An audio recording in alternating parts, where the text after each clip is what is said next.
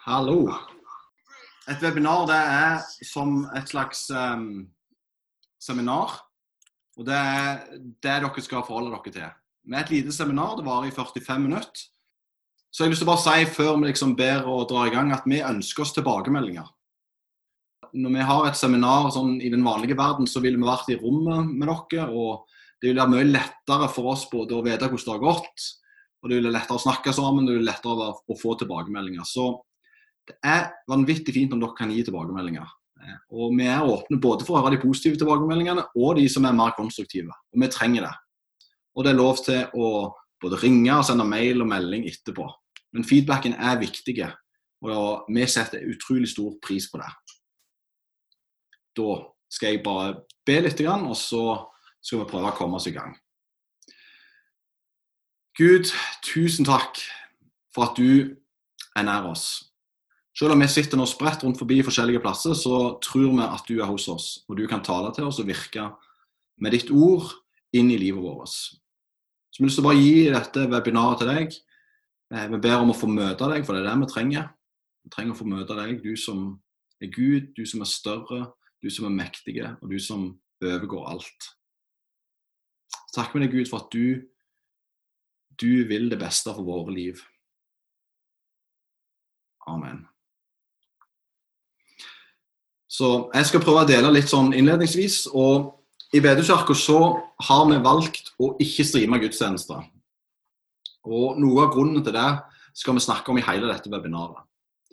Den bestemmelsen å ikke streame noe på søndagene som en erstatning til gudstjenesten, det var en bestemmelse som vi i pastorteamet tok rimelig kjapt etter den 12. mars. Og Det ble alle en sånn stor vurdering. Eh, vi brukte ikke mye tid på det. Men vi var sånn unisont ganske kjapt helt enige om at det aller aller viktigste for oss i Bedehuskirka, det er at huskirkene virker. Så vi valgte å sette inn så mye ressurser vi klarer på å hjelpe huskirkene til å fungere så godt som mulig i den perioden som nå har vært. Og Dere som hører til i Bedehuskirka, dere vet dette. At hos oss er huskirke utgangspunkt og gudstjenesten følge. Og Nå prøver vi å praktisere det så godt vi kan. Det var aldri en lang vurdering. Og vi har brukt ganske mye tid på å følge opp lederne i husverkene, husbastorene, og hjelpe dem sånn at dette skal fungere så godt som mulig, også i denne tida. Jeg skulle selvsagt ønske at nå kunne jeg sitte her og si etter eh, halvannen måned med koronatid og sosial distansering at alt funker helt fantastisk med husverkene i Vedekirka. Alt går på skinner. Samlingene er helt amazing. Folk griner, møter Jesus, ligger på kne. Alt dette her. Det skulle jeg ganske kunne sagt. Det kan jeg ikke. Det jeg kan si, det er at vi prøver. Og mye funker. Det er ikke sånn at alt funker, og sånn er det aldri, faktisk. Så heller ikke nå.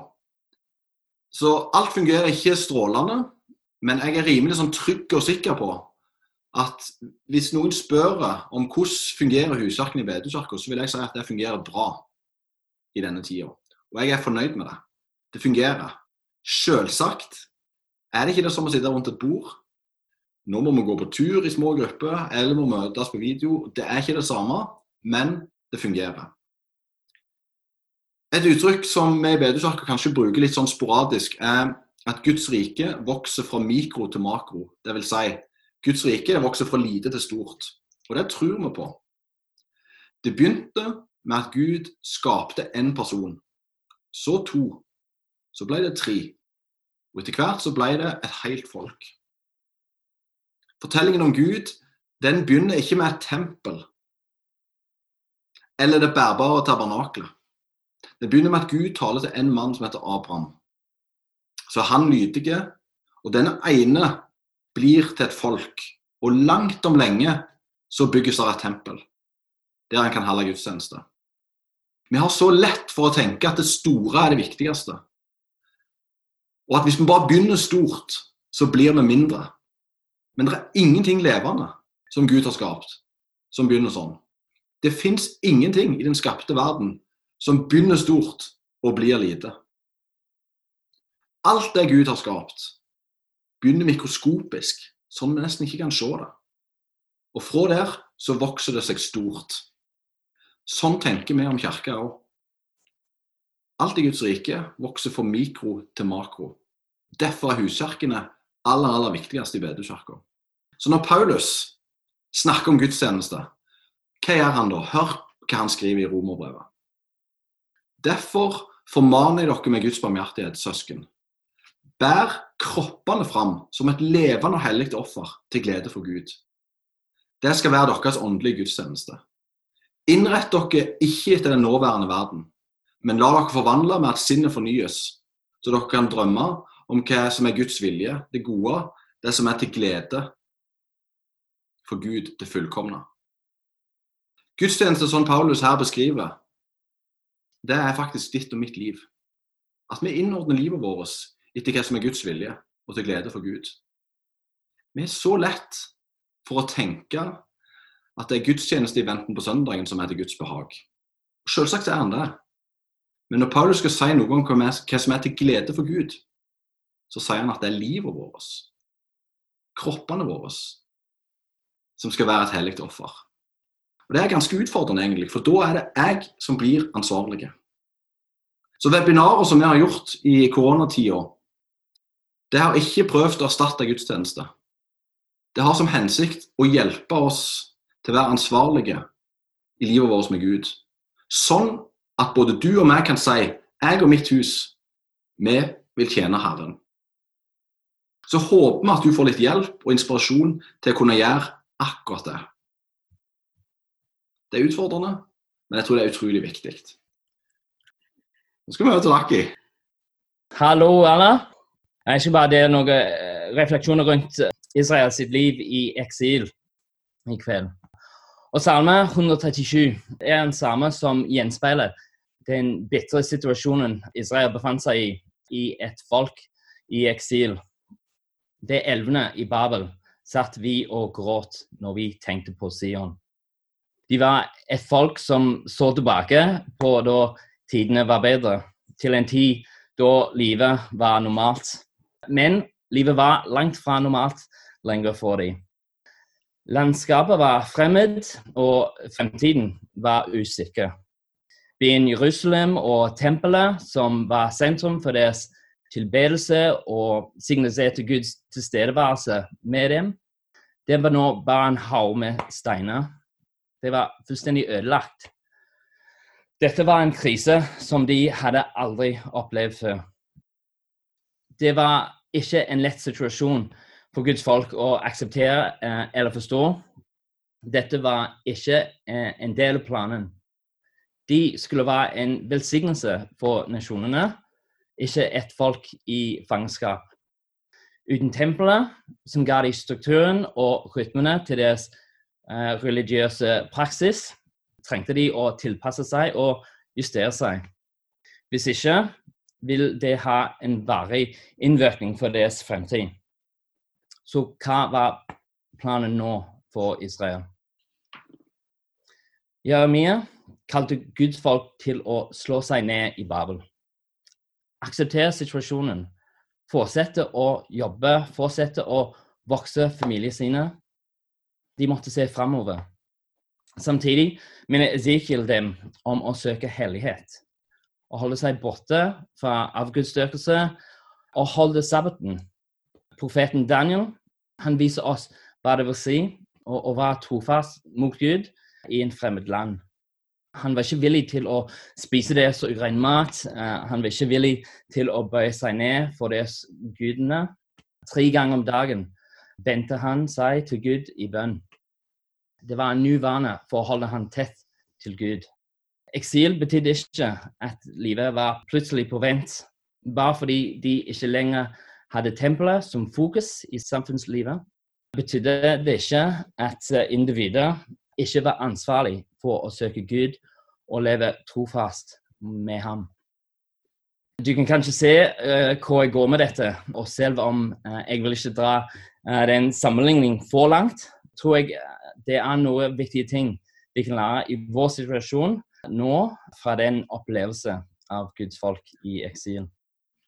For det første, og dette er et av Esekiels nøkkelbudskap, at Gud er ikke bundet eller begrenset av noen situasjoner eller strukturer som mennesket har utviklet. Gud bor ikke i tempelet reist av menneskehender, det står i Bibelen. Og han bor definitivt ikke på salen heller.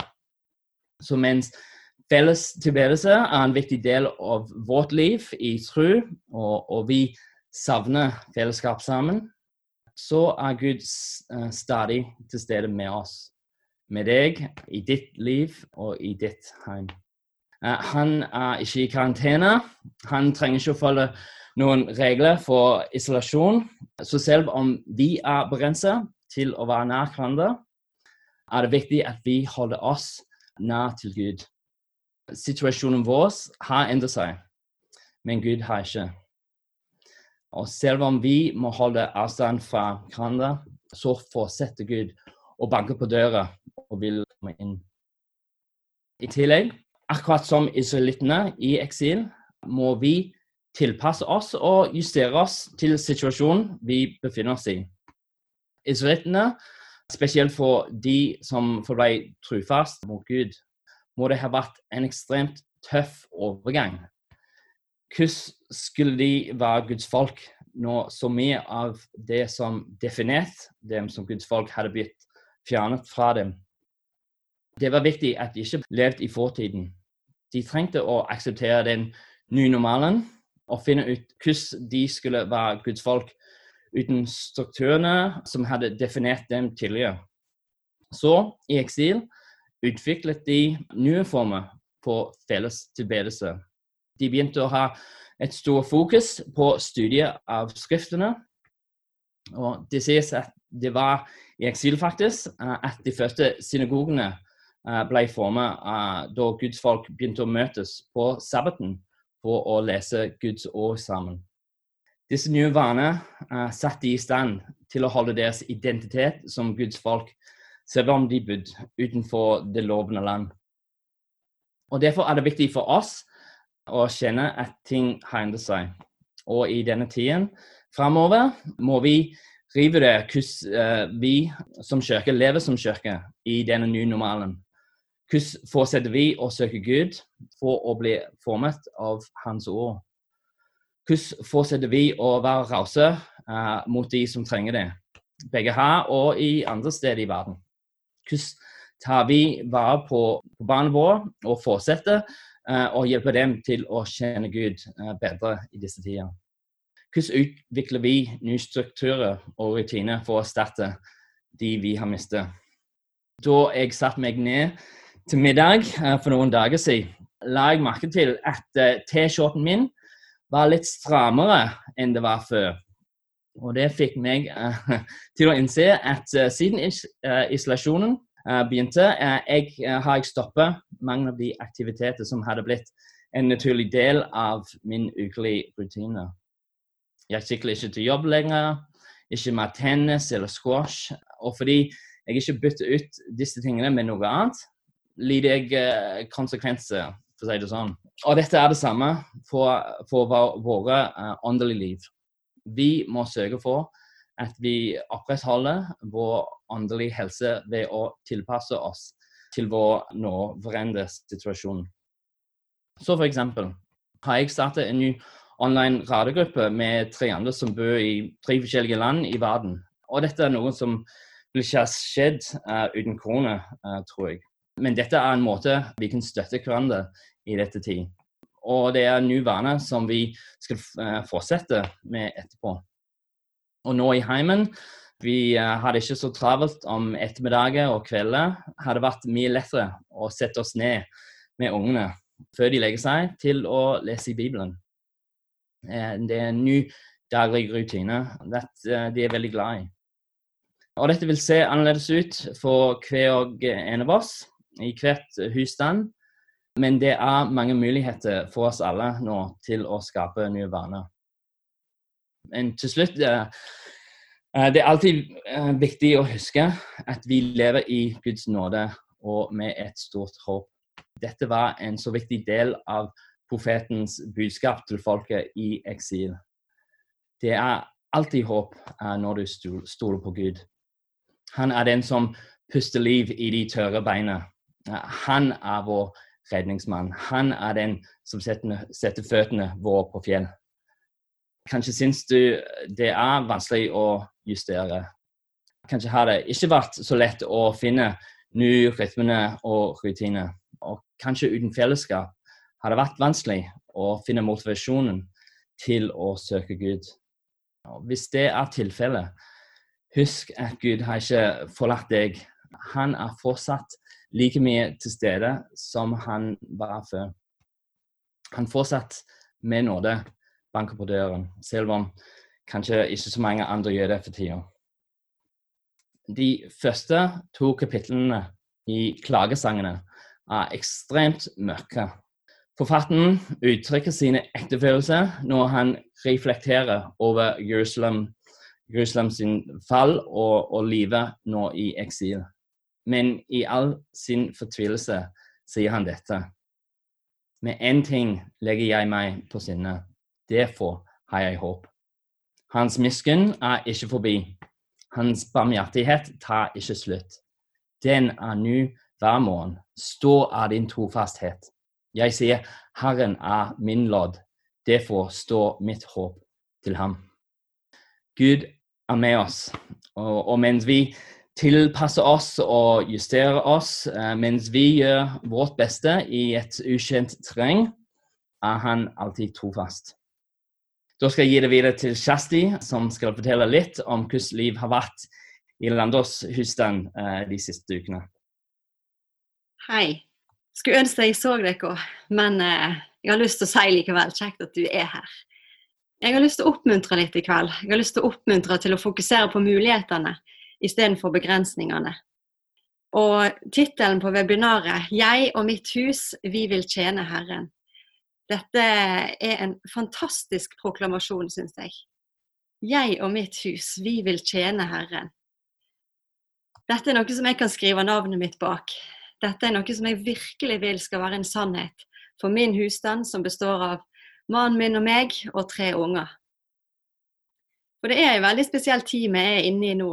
Og som sagt så har jeg lyst til å oppmuntre dere i kveld til å fokusere på mulighetene i denne tida. Mer enn å fokusere på begrensninger og savn etter sånn som det har vært. For selv om tida er spesiell, og det blir snakket mye om begrensninger, så er det òg mange muligheter. En av mine bønner som jeg ber mye for denne tida, det er at eh, jeg og vi som kirke skal gripe mulighetene. For Jeg tror at Gud vil oss veldig mye i denne tida. Jeg tror han søker å få meg og deg enda tettere til seg. Livet nå om dagen den kan regnes som et før og et etter korona. Før korona så hadde vi én måte å leve på. Og så kom korona, så ser ting ganske så annerledes ut. Vi er på vei tilbake til normalen på noen områder, men for oss som kirke så ser ting ganske annerledes ut fremdeles. Kirka er jo fellesskapet av de truende, og nå må vi holde oss til et maks antall folk og god avstand. Fellesskapet som har vært preget av masse folk og mingling og store samlinger, mindre samlinger og nærhet og gjerne en klem, det ser ganske annerledes ut nå om dagen. Sånn er det kanskje med rytmene dine for disippellivet òg. Før korona så hadde du gjerne noen rytmer for deg sjøl, noen rytmer i lag med huskirka di, og noen rytmer med storfamilien i menigheten. Og til sammen så var alle disse med på å holde deg nær til Jesus. Så kom viruset med sine begrensninger og retningslinjer. Hva da? Jeg vil påstå at her er det òg veldig mange nye muligheter. En ting som skjer når noe endres, det er at eh, rytmene kan settes, eller må settes på nytt. Og vi må tenke igjennom på nytt eh, hva er det jeg gjør, hvorfor gjør jeg det, og hvordan ser det ut. I dette så ligger det en mulighet for oss som etterfølgere av Jesus. For rytmene i heimen er det en virkelig mulighet i denne tida.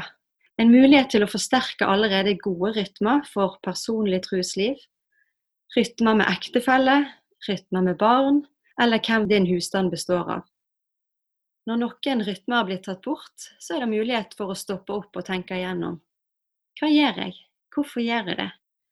Og hvordan ser det ut? Vil jeg gjøre noen endringer?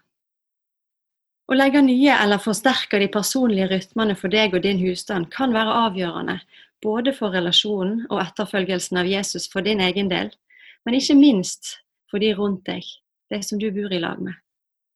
Nå har du muligheten til å sette noen rytmer som gir liv i denne tida, men òg som kan bli langsiktige rutiner. En god sammenligning med truslivet og relasjonen til Gud er forholdet vi har til å ete mat. I Johannes 6 så snakker Jesus om brødet fra himmelen. Jødene som han snakket til direkte der, de hadde hørt om brødet fra himmelen tidligere. Da var det i form av manna, brødet som Gud sendte hver morgen til israelsfolket i ørkenen. Da var det nok til hver dag, og neste dag så var det nytt. I Johannes 6 så kan vi lese om Jesus som utfordrer jødene sin tanke om hva brød fra himmelen var.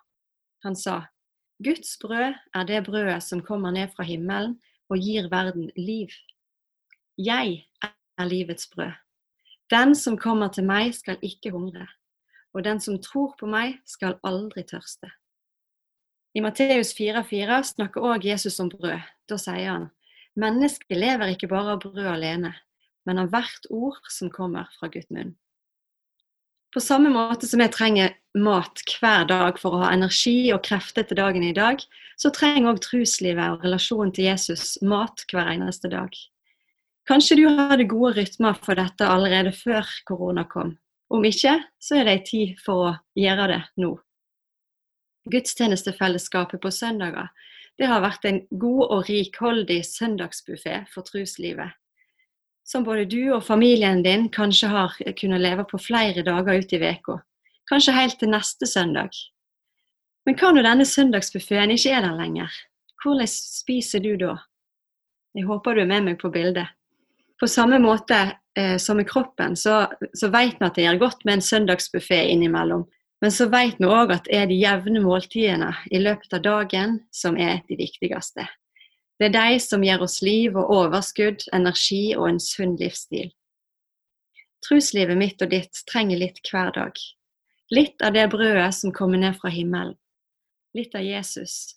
Litt av hvert ord fra Guds munn. Som mor i vår husstand så er det ofte jeg som står for servering av mat når vi setter oss rundt bordet hjemme. Selv om det skal sies at mannen disker opp med kumler i dag. Det er selvfølgelig for meg å planlegge og sørge for at familien får god og skikkelig mat opptil flere ganger i løpet av dagen. Dette er ikke noe som jeg har oppe til vurdering om jeg skal gjøre eller ikke. Selvfølgelig må vi ha mat. Det er ikke alltid det frister like mye, eller at jeg føler verken for å ete eller lage til. Men vi vet jo at vi trenger mat alle sammen. På samme måte er det med gudsrelasjonen. Truslivet trenger òg sitt daglige brød. Men her er det oftere lettere å sluntre litt unna og la følelsene styre. Eh, jeg føler ikke helt for. Orker ikke å lese i Bibelen i dag, jeg vil heller noe annet. Jeg står over i dag, det går fint en dag uten, osv. Kjenner du deg igjen? Personlig så er jeg i overkant glad i havregryn. Og jeg putter det oppi der jeg kan. Ikke det at det er den beste smaken jeg vet om, men fordi jeg vet at en porsjon med havregryn det gjør kroppen min god og skikkelig næring som vare. Skulle jeg latt følelsene bestemme om hva jeg skulle ete hver dag, så kan jeg love deg at det hadde blitt litt mindre havregryn og ganske mye mer sjokolade eller nybakte boller med lyst mjøl. Mennesket lever ikke bare av brød alene, men av hvert ord som kommer fra Guds munn, sier Jesus. Så hvorfor lar vi så lett følelsene bestemme over maten og måltidene som gjør truslivet, både vårt trusliv og til familien vår? I bedehuskirka gjentar vi ofte at foreldrene er de viktigste disippelgjørerne i barna sine liv. Forskning bygger òg opp under dette. Når barna ser at mor og far sin tru blir praktisert i heimen, så er sjansen for en varig tru for barna mye større. Selv om vi har visst dette, så har vi hatt god hjelp i storfamilien. Det er jo bare å innrømme. Vi har tatt det som en selvfølge at vi kunne jobbe godt i lag med minidisipler, søndagsskole, familie, between eller GN-huskirke i dette. Og det er veldig, veldig bra i normal tid. Men i denne tida så kan det bli veldig, veldig lite mat for truslivet til barna og ungdommene våre, om ikke vi foreldre er veldig bevisst på hva og hvordan de får mat i heimen. Her ligger det en virkelig mulighet til oss foreldre. En mulighet til å gjøre trua enda mer synlig og praktisk i din husstand. En mulighet til å gjøre det ikke bare for denne tida, men òg for framtida. Så kjære foreldre, grip denne muligheten. I vår husstand har vi lenge prøvd å få truslivet til å være en naturlig del av dagen i familien. At det blir en del av livet hver dag. Vi har gjort og gjør mange forskjellige ting, og nettopp det har vært et bevisst valg fra de voksnes side. Vi ønsker at det skal se litt forskjellig ut, for at ikke det skal bli en fast ting som vi kan tikke av som gjennomført, men at det blir mer fletta inn i hverdagen på forskjellige tidspunkt og i forskjellige situasjoner. Sånn at det kan bli en livsstil som vi kan ta med oss, uavhengig om vi er på ferie, på fjelltur eller om vi er hjemme. Så er det en livsstil vi har. Jeg har lyst til å dele noen konkrete ting fra heimen vår om hvordan det ser ut for øyeblikket. Som sagt så har vi prøvd mye, og det blir ofte kaos. Men øyeblikkene med liv, de er så utrolig viktige for oss alle. For det første. Eh, for eh, noe som jeg ble skikkelig utfordra på i mitt ansvar om å disippelgjøre ungene mine, det var at eh, jeg merket når ungene ble litt større, så ble erfaringen det at jeg kan ikke gi videre noe uten at jeg eier det skikkelig på innsida. Jeg er nødt til å sørge for at jeg får mine daglige måltider hos Jesus, for at jeg skal kunne gi videre til min husstand mine barn. Jeg er nødt til å praktisere og leve ut det som jeg lærer å fortelle de. Og jeg tror at barn avslører ganske så fort om relasjonen min til Jesus er en teori, eller om det er et liv for meg. Barnet har sin egen vandring med Gud, og det ønsker vi å ta på alvor vi tror at Gud både snakker til dem og gjennom dem. Og dette har vi lyst til å oppdage i lag med dem, og være gode støttespillere og invitere til samtaler så ofte som de åpner for det. Hvis vi klarer å lære dem å søke Jesus og se eh, hva Bibelen sier i møte med deres tanker og problemstillinger som de kommer opp i, så er vi veldig godt på vei. Dette ligger som et bakteppe for praksisene i familien vår. Og så har jeg lyst til å trekke fram to eh, faste rytmer som er veldig verdifulle for oss nå i denne tida. Det første det er å be sammen. At vi som familie henvender oss til Gud i bønn, det er viktig for oss. Det kan vi gjøre hvor tid som helst. Vi kan holde på lang, lenge eller kort. Vi kan gjøre det akkurat så mange ganger vi vil. Så i løpet av en dag så har vi som regel eh, flere takke- eller bønnerunder, som vi kaller det for. Som regel så er det i form av popkornbønn, som dere kanskje kjenner til, der en bare tar ordet når en vil. Korte, enkle bønner. Eller så kan vi holde i hendene og sende rundt med å knipe til sidemannen. Eller at du sender en ting rundt, og den som har tingen, kan be. Er det noen som er syke i familien, eller er det noen som gruer seg til noe? Eller om det er noen som skal ut på et oppdrag og dele evangeliet, så prøver vi å være frimodige på å legge hendene på de som vi skal be for, og be for dem. I starten så var dette litt ut av komforten, men nå har det blitt en naturlig reaksjon og et initiativ som kan komme fra alle. Vi merker spesielt godt samholdet når eh, vi voksne kommer til barna og spør kan du være med og be for mamma for disse tingene. Så høres det kanskje veldig idyllisk ut, men det skal sies at ofte så avslutter jeg med en bønnerunde, eller en blir avbrutt av både en krangel eller en kjefting, eller hva det måtte være. Og det tenker jeg at det går helt fint. Det viktigste er at vi henvender oss til Gud i bønn, og vi samler på de gode øyeblikkene. Gud tåler det. En annen viktig rytme for oss det har vært ei daglig andaktsstund. Som regel så er dette knyttet opp til et måltid der vi sitter rundt bordet. Denne eh, andakten den inneholder et vers fra Bibelen og fire-fem setninger med tanker rundt dette verset. Har vi venner på besøk, eller ungene venner på besøk, så blir de med. Noen dager så merker vi at det er nok å bare lese verset og, og lese setningene. Noen dager så merker vi at barna er klar for litt mer. Og vi voksne kan bygge på med et par ekstra spørsmål eller noen tanker knytta til temaet. Denne stunden har veldig ofte gitt oss gode samtaler for tru og disippelliv.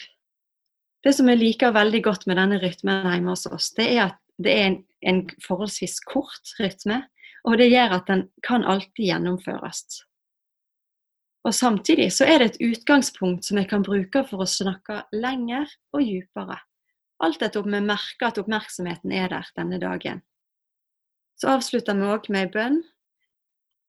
Og merker vi at ungene er ekstra godt på, og at vi får gode samtaler, så kan vi òg gjerne gå over i en lovsang. Og dette er så enormt verdifullt for oss på så mange plan. Samtidig så må det sies at det er langt fra idyll, dette òg men vi samler på de gode øyeblikkene.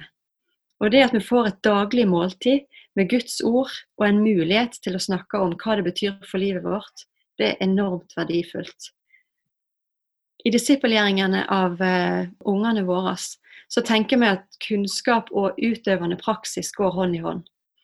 For oss er det viktig at det som vi lærer, òg utøves i praksis. Heimen er en trygg og god arena for å prøve og feile for å lære og for å erfare.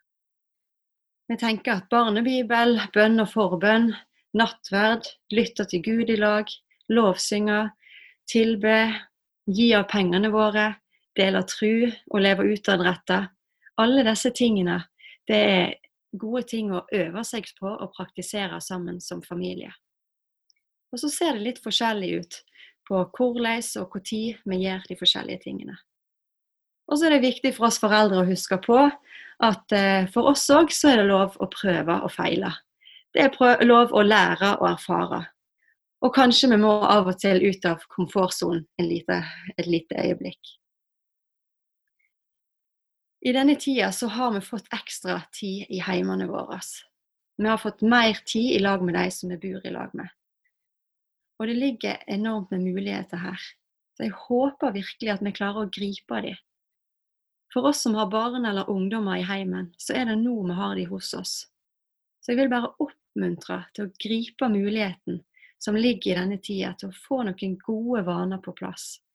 Som kan være kjempeverdifulle for denne tida, men òg framover. Så jeg har lyst til å avslutte med en liten episode fra heimen vår. Som jeg håper kan være til oppmuntring det var noe som skjedde i, i jula. Vi satt rundt bordet i lag med besteforeldre, tante, onkel og søskenbarn.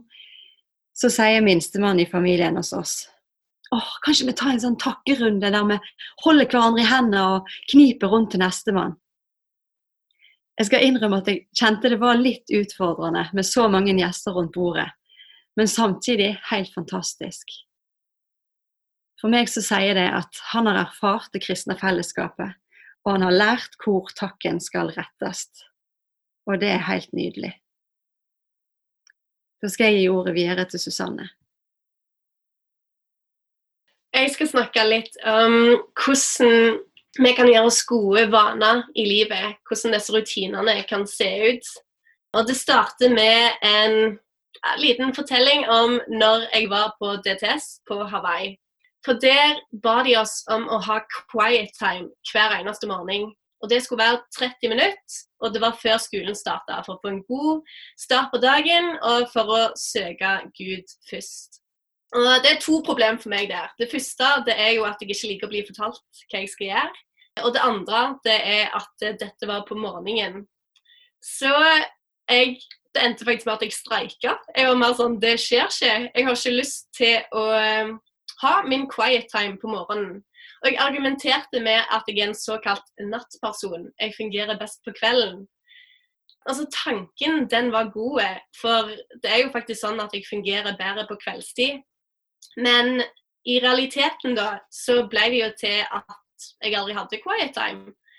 For det var som om jeg på magisk vis håpte at denne vanen skulle havne på plass av seg sjøl at jeg skulle begynne å ha quiet time på kvelden, men det bare ble ikke til det. Det lå ikke til rette for det, og jeg hadde ikke rutine for det.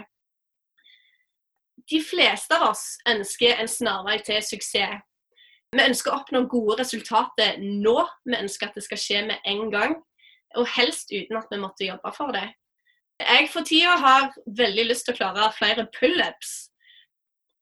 Det irriterer meg at det krever at jeg må kontinuerlig jobbe med å klare å ta disse pullupsene. Fordi at det er kjedelig å gjøre det over tid. Og på en måte, jeg ser litt framgang, men ikke nok framgang til at jeg på en måte blir fornøyd.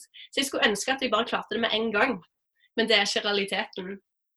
Dagene våre består av mange små valg, og det er nettopp alle disse små valgene som fører deg der du vil.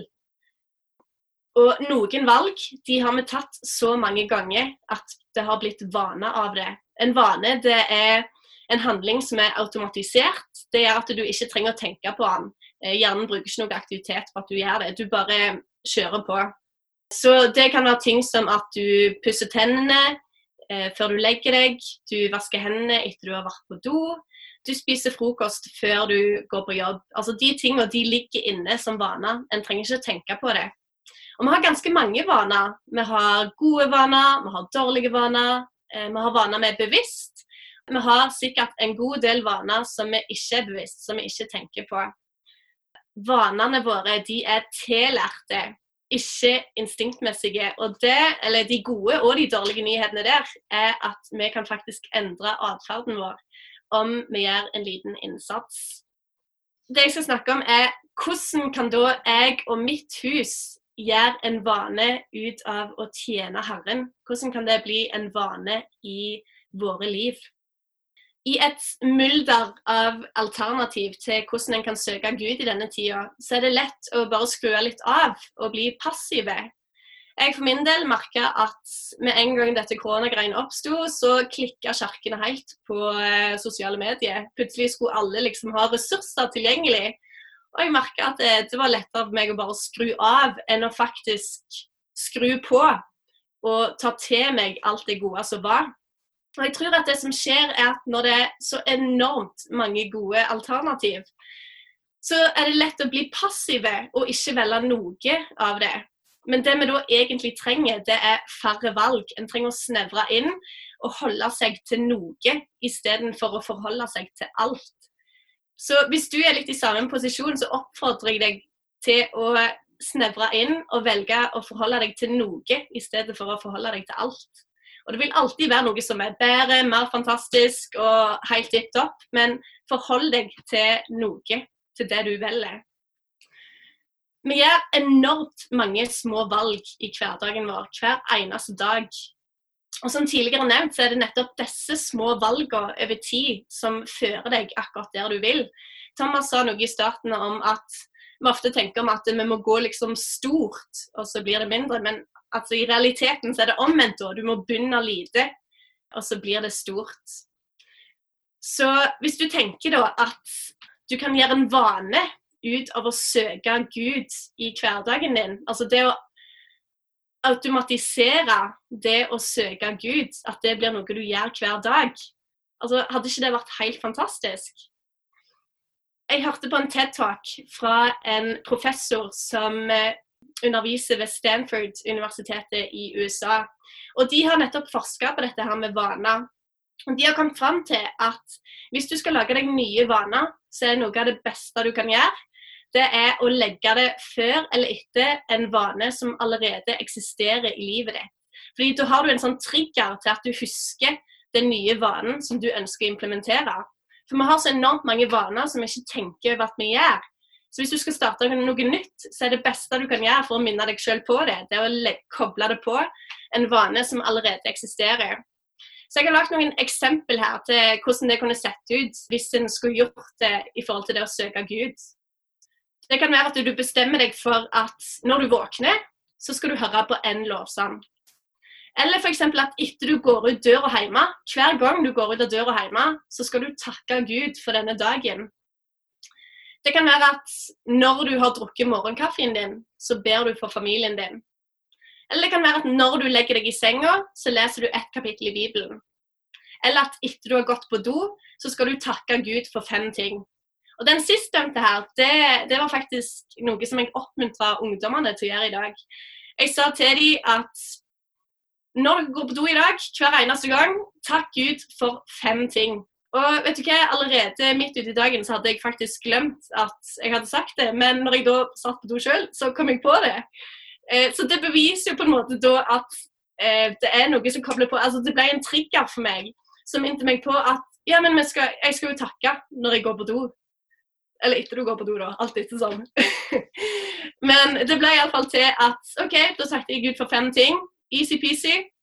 Og så fortsetter jeg, så går dagen min videre. Så hvis du da tenker at du skal tilvenne deg en ny vane i livet, så kan du se på denne vanen da som et lite frø som skal vokse seg til en stor plante. Eh, om du planter den da på rett plass. Så det begynner i det små. Det begynner som et lite frø, og så skal det vokse seg stort.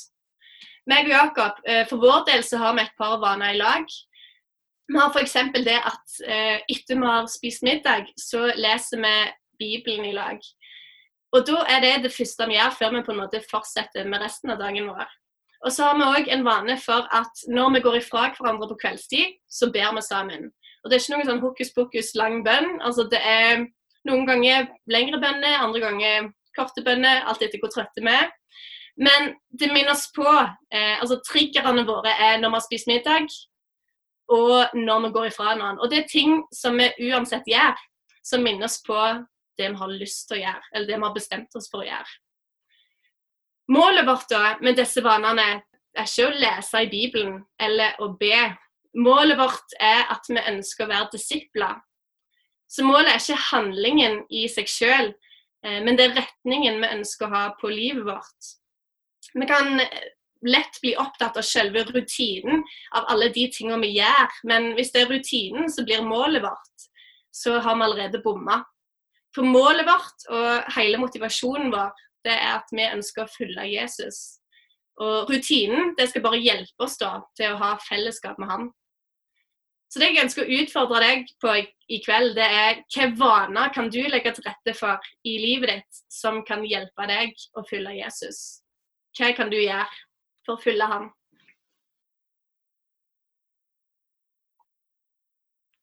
Da skal vi prøve å runde av. Det er ingen spørsmål på Q&A-pollen min. Så jeg skal prøve å tørrsnakke sånn et par sekunder, bare sånn at hvis noen har noe de har lyst til å fyre ut, så kan de gjøre det nå.